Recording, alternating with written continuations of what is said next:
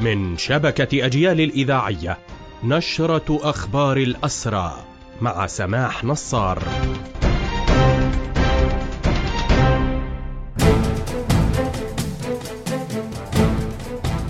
أهلا ومرحبا بكم إلى هذا اللقاء. في أخبار هذه النشرة في شؤون الحركة الأسيرة هيئة شؤون الأسرى والمحررين كشفت تفاصيل الإهمال الطبي المتعمد في علاج الأسيرين أحمد كعابنة وسمير أبو نعمة وذلك عقب زيارة محامية الهيئة شيرين ناصر لهما في سجن الرامون. وقد أشارت إلى أن الأسير كعابنة من الأسرى القدامى واعتقل عام سبعة وتسعين. أما الأسير أبو نعمة فهو معتقل منذ عام ستة وثمانين. هيئة شؤون الأسرى والمحررين وثقت شهادات اعتقال مؤلمة لأسيرين في مركز تحقيق عطسيون. وذكرت الهيئة أن الأسير قصي كمال من مخيم عقبة جبر اقتحم الاحتلال منزله في المخيم وكان قد أصيب قبل شهرين من اعتقاله برصاصة في البطن وهو يسير بواسطة عكازات.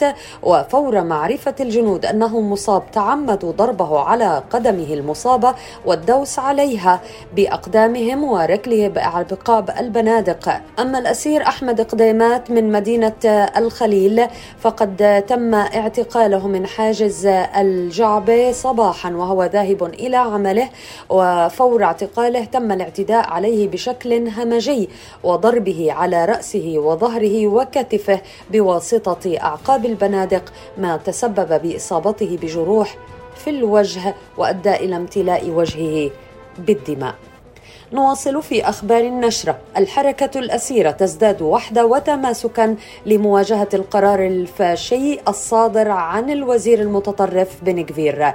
أكدت هيئة شؤون الاسرى والمحررين أن الحركة الأسيرة في تماسك وصلابة لمواجهة التطرف الذي تتعرض له بالنظر إلى تفاصيل زيارة سجني نفحه والريمون من قبل محاميي الهيئة يوسف متي وشيرين عراقي قالت الهيئة.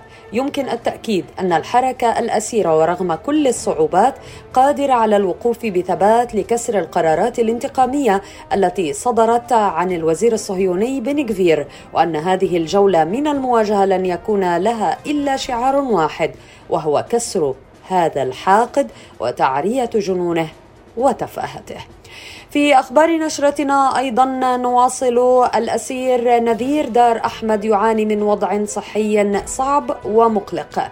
هذا ما أكدته هيئة شؤون الأسرى والمحررين مشيرة إلى أنه لم يراجع المستشفى منذ شهر مارس الماضي وعلى الرغم من تضاعف حجم الأوجاع لديه إلا أن إدارة سجون الاحتلال تتعمد بالمماطلة والإهمال في علاجه.